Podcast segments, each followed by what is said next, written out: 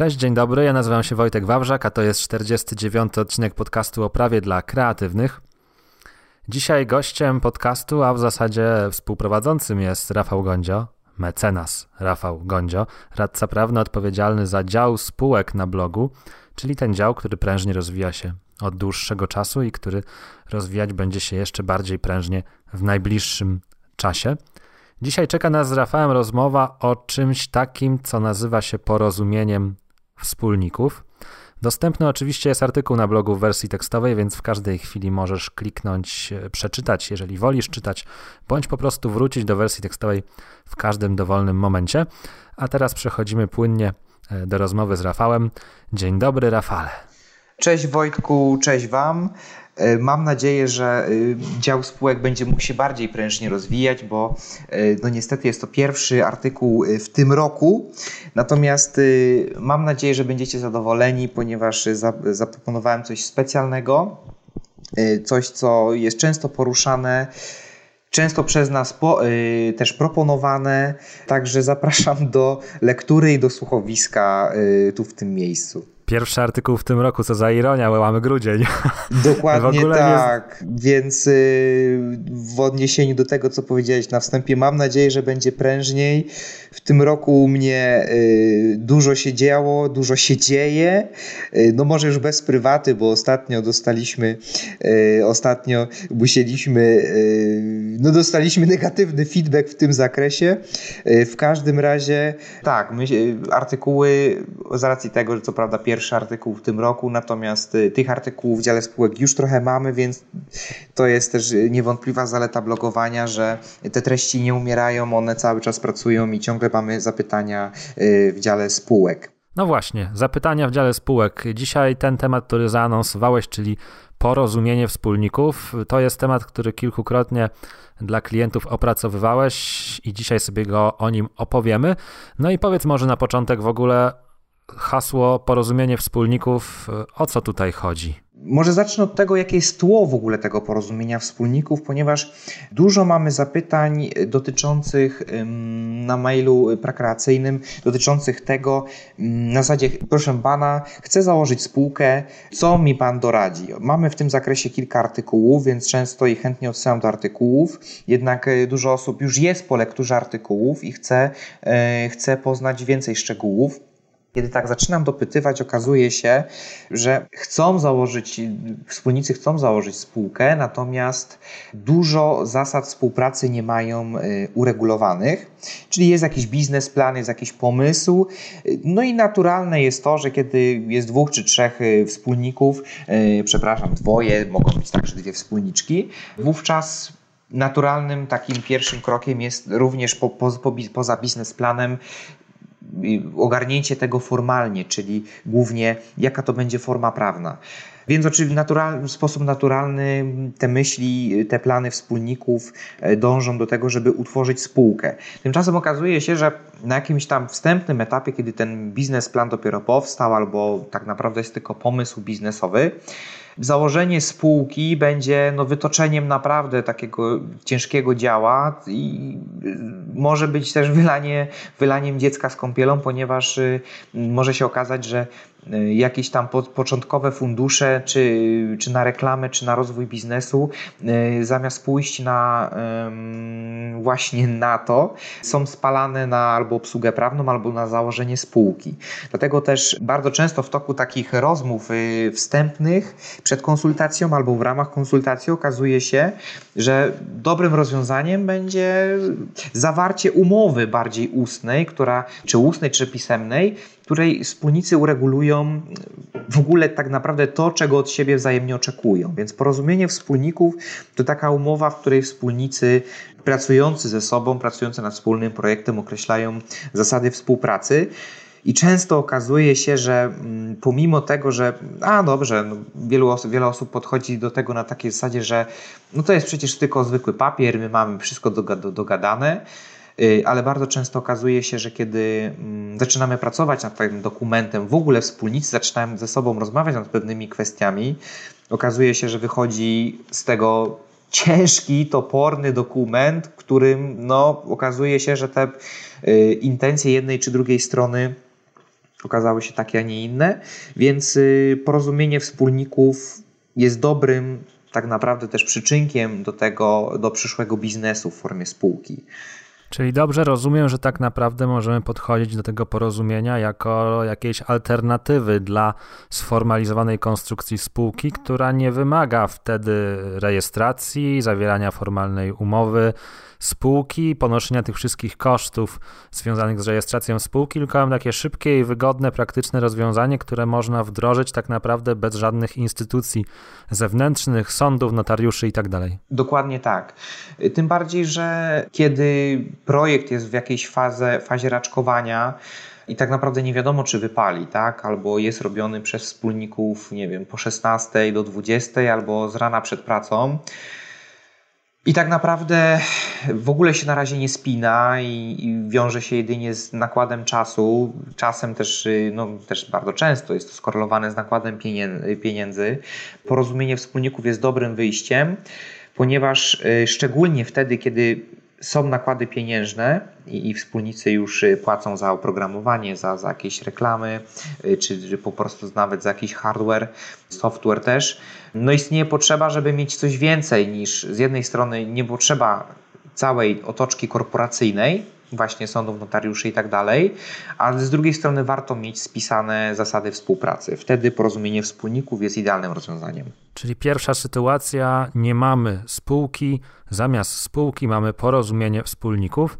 Oczywiście w przyszłości ta spółka na bazie tego porozumienia również może zostać zawiązana, ale to jest ta sytuacja, kiedy spółki nie ma. Ale domyślam się również, że można zawrzeć porozumienie wspólników, mimo tego, że spółka już formalnie jest, ale na przykład pojawiły się jakieś dodatkowe projekty, wcześniej tą spółką nie objęte. Jak to wygląda? E, zgadza się. Mm, zasadniczo tylko jed... spółka potrzebuje jednego dokumentu, takiego jakby założycielskiego, żeby funkcjonować. To, e, tym dokumentem jest umowa spółki. Jednak umowa spółki, szczególnie mm, spółki rejestrowanej przez internet w trybie S24, jest dosyć krótka, jest dosyć lakoniczna. Owszem, dużo regulacji znajduje się w KSH, czyli w kodeksie spółek handlowych, więc y, nie ma potrzeby przepisywać całego albo połowy kodeksu do, do, do spółek, do, do umowy spółki, bo wszystko jest zapisane. Ale są też pewne, pewne zasady współpracy, które wspólnicy chcieliby określić, a które no nie warto wpisywać do umowy spółki, e, bo po pierwsze nie ma to najmniejszego sensu i nie jest to wymagane przez przepisy. Zresztą gdyby coś się zmieniło w tym zakresie, no to po co no, w zakresie jakichś innych zmian niż związanych z samą spółką, e, nie wiem, na przykład e, lecieć do notariusza. Wówczas zawiera się osobny dokument zwany porozumieniem wspólników, o którym już tutaj wcześniej wspomnieliśmy, czyli jeżeli na przykład, y, powiem do, jak to konkretnie może wyglądać, jeżeli mamy przepisy dotyczące zakazu nieuczciwej konkurencji, y, wspólnicy czy członkowie zarządu obowiązani są działać, no nie, nie to, że są obowiązani, ale nie mogą działać na szkody spółki, tak? I to wynika z przepisów prawa, ale jeśli y, wspólnicy chcieliby mieć w tym zakresie jakieś szczegółowe ustalenia, na przykład karę umowną za jakiś czyn, którego się dopuścił wspólnik czy członek zarządu, bo jeżeli opieralibyśmy się tylko na przepisach prawa, to musielibyśmy przebyć całą procedurę sądową z udowadnianiem winy, z udowadnianiem czynu i tak dalej, z wysokości szkody. Tutaj też oczywiście, jeżeli mamy taki zapis w porozumieniu wspólników, musielibyśmy udowadniać winę, ale porozumienie wspólników pewne sprawy może uprościć, tak? Czyli jeżeli zapiszemy po, po porozumieniu wspólników, że jest wymagane, że za, że za czyn nieuczciwej konkurencji dopuszczenie się takiego czynu wspólnik ponosi odpowiedzialność, wówczas możemy określić, że spółce należy, bądź pozostałym wspólnikom należne będzie kwota, nie wiem, 20, 50, 100 tysięcy za dopuszczenie się każdego czynu. Podobnie w sytuacji, kiedy spółka posiada jakiś szczegółowy, e, jakiś szczególny mm, know-how, którym nie chce się dzielić, no to oprócz tego, że przysługuje ochrona prawna autorska, wspólnicy mogą między sobą również chcieli określić, co należy, e, co należy, e, co podlega szczególnej ochronie i na jakich zasadach. Tak? Podobnie, mimo że są przepisy określone w zakresie likwidacji spółki, czy w zakresie tego, co się w ogóle stanie z majątkiem po jej rozwiązaniu, czy, czy nie wiem, choćby śmierci wspólnika, wspólnicy mogą jeszcze chcieć to dodatkowo określić. Albo w odniesieniu, albo w odniesieniu do powstających wspólnie utworów, czyli tworzy, tworzone jest jakieś oprogramowanie. Znamy przepisy prawa autorskiego w zakresie współtwórstwa, współautorstwa, e, natomiast wspólnicy mogą chcieć określić to inaczej, że, że nawet tak naprawdę poszczególne jakieś linie kodu mogą być, e, podlegać. Wspólnik, który napisze dany kod, jest autorem tego, e, tego kodu. Nie, nie mówi się tutaj o żadnym, e, żadnym współautorstwie, więc to są tego rodzaju sytuacje, które nie ma sensu i niepożądane jest zamieszczać ich w umowie spółki, to, która wędruje do KRS-u, a warto zawrzeć w porozumieniu wspólników. Zresztą też są, to już jest ostatnia kategoria, do której chciałem się odnieść, są też okoliczności, których nie chcą na przykład ujawniać e, wspólnicy w KRS-ie, czyli spółka funkcjonuje na pewnych określonych zasadach, natomiast na przykład jeden ze wspólników jest w istocie powiernikiem jakiegoś cichego wspólnika, który nie, nie figuruje w KRS-ie, nie jest formalnie wspólnikiem, czy nie jest formalnie członkiem zarządu,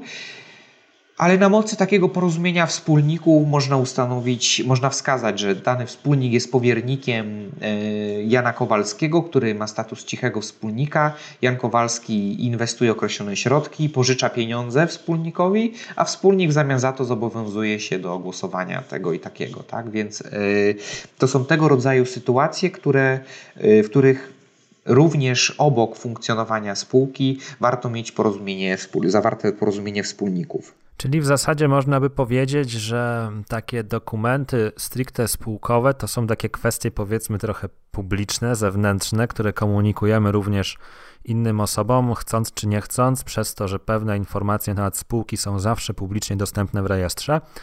Natomiast dzięki temu porozumieniu wspólników jesteśmy w stanie sobie stworzyć taką strefę wewnętrzną, która dostępna jest tylko dla wspólników i tylko wspólnicy o pewnych kwestiach e, wiedzą no i to porozumienie właśnie reguluje te jak gdyby takie relacje między nimi bezpośrednio. Zgadza się. To powiedz mi jeszcze, Rafale, bo przewinęło się w Twojej wypowiedzi wcześniej e, takie sformułowanie o formie ustnej, potem pisemnej. To porozumienie wspólników, e, ono musi przyjąć jakąś konkretną formę, to musi być spisany dokument, może to mogą być po prostu maile, e, a może nawet jakaś ustna rozmowa. Jak to wygląda? E, porozumienie wspólników e, nie jest e, czymś, co jest znane prawu polskiemu. To jest porozumienie, no w ogóle jak całe spółki. To jest konstrukcja, która przyszła z krajów anglosaskich. Stąd też nawet w tytule artykułu napisałem anglojęzyczne, mm, oryginalne anglojęzyczne brzmienie. Czyli krótko mówiąc, w naszym prawie nie jest to znane, nie jest to uregulowane, więc teoretycznie mamy w tym zakresie dowolność, czyli porozumienie wspólników może mieć formę, no ustną może mieć, zawsze ma formę, wspólnicy zawsze w jakimś tam stopniu są ustnie porozumieni, ale tak jak powiedziałem na wstępie, e, przelanie tych ustnych porozumień na papier rodzi trudności, więc e, jak najbardziej porozumienie wspólników powinno być co najmniej w formie pisemnej, i w formie y, niekoniecznie jednak takiej stricte papierowej, czyli może to być porozumienie w formie elektronicznej. Y, zawarcie tego porozumienia może nastąpić przez wymianę podpisanych skanów. Ważne jednak, by jednak w mojej ocenie było to no, przelane co najmniej na papier, tak, żeby y, obie strony miały jasność co do tego, jak konkretnie porozumienia brzmią.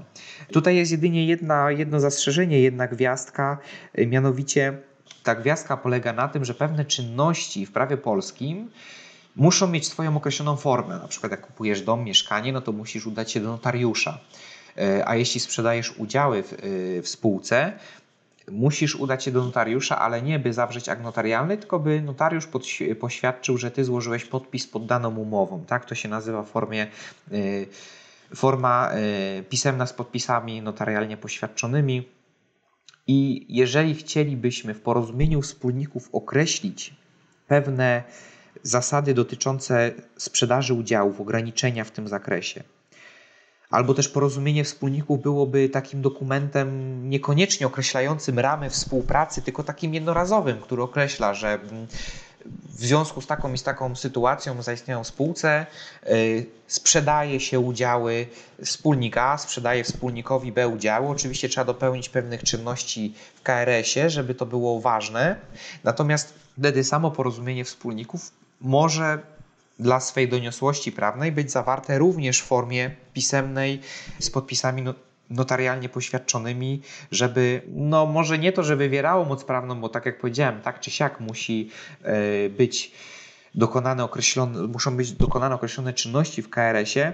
Natomiast dobrze by było, żeby jeżeli przewidujemy coś w tym porozumieniu, co jest jakąś czynnością szczególną, to żeby porozumienie również miało taką formę, jaka jest wymagana dla tej czynności. Czyli w zasadzie można byłoby to pewnie podsumować jakimś stwierdzeniem dość klasycznym, że w większości przypadków poza jakimiś szczególnymi e, sytuacjami będzie możliwa dowolna forma, przy czym warto pamiętać przy tej dowolności, że no to tak jak z reguły z każdą dowolnością, można sobie ustnie nawet się porozumieć, ale jak zwykle kluczowe są kwestie dowodowe i na wypadek ewentualnego sporu trzeba być w stanie wykazać, jakie to porozumienie wspólników było, więc jednak warto namacalnie tworzyć jakieś dokumenty, no, z tym zastrzeżeniem też jeszcze tych szczególnych sytuacji, o których wspomniałeś. Ja bym dodał oczywiście jeszcze porozumienia w zakresie praw autorskich.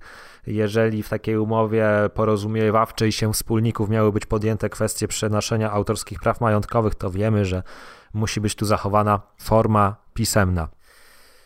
I tak sobie myślę, że tak naprawdę przebrnęliśmy przez takie najważniejsze kwestie związane z tym porozumieniem wspólników. Myśli, że jest to w ogóle konstrukcja warta uwagi, stosowana, często stosowana, rzadko stosowana? Czy warto po nią sięgać? Kiedy warto? Myślę, że to jest konstrukcja y, warta szczególnej uwagi, a niestety jest rzadko stosowana. Y, tak jak powiedziałem na wstępie, wielu przedsiębiorców na wstępnym etapie skupia się na tym, jaka będzie nazwa, jaki PKD spółki, kto tu będzie rządził, kto będzie w zarządzie, kto e, będzie wspólnikiem, a nie zostaną określone podstawowe zasady dotyczące choćby rozliczania, bo rozliczania, finansowania, udziału w zyskach, w stratach jeszcze może nawiążę do tego, co może znaleźć się w takim porozumieniu trochę mm, szerzej, tak? Czyli chyba, że będziemy potem rozmawiać o tym, co będzie konkretnie w porozumieniu. Wiesz co, możesz powiedzieć od razu kilka słów o tym, co w tych porozumieniu może się znaleźć. Yy, oczywiście poza to, co już wcześniej wspomniałeś yy, przy okazji innych wątków.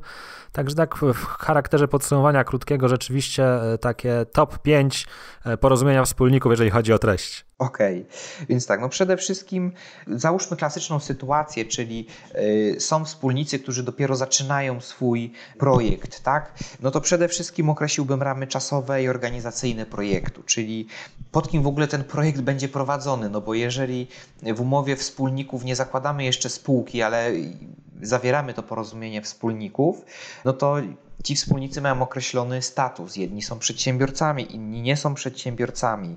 Yy, wiadomo, że będą ponoszone pewne koszty. Czy one będą yy, rozliczane, kto, czy kto będzie brał na siebie faktury, kto będzie rozliczał te koszty, czy będzie uwzględniony VAT, czy nie będzie uwzględniony VAT, tak? Kto będzie finansował, czy będzie to w jakiś sposób, jak to jest rozliczane. Kwestia praw autorskich, czy każdy odpowiada za swoją y, część, czy też będzie to współautorstwo. Kwestia wyjścia z projektu, czyli e, co się stanie, kiedy ktoś wychodzi, czy może dowolnie komuś sprzedać, czy, mo, czy też y, pozostali wspólnicy muszą wyrazić zgodę. W zasadzie są to wszystkie te kwestie, które w jakimś tam stopniu są uregulowane w umowie spółki, no ale ponieważ nie ma tej spółki, no to zdecydowanie warto te kwestie określić. Mianowicie, e, jeżeli potem jest ta spółka zawarta, to warto w porozumieniu wspólników określić, co się stanie, kiedy ta spółka przestanie istnieć, tak? Czyli co na, szczególnie y, z utworami, które się w tej spółce znajdują.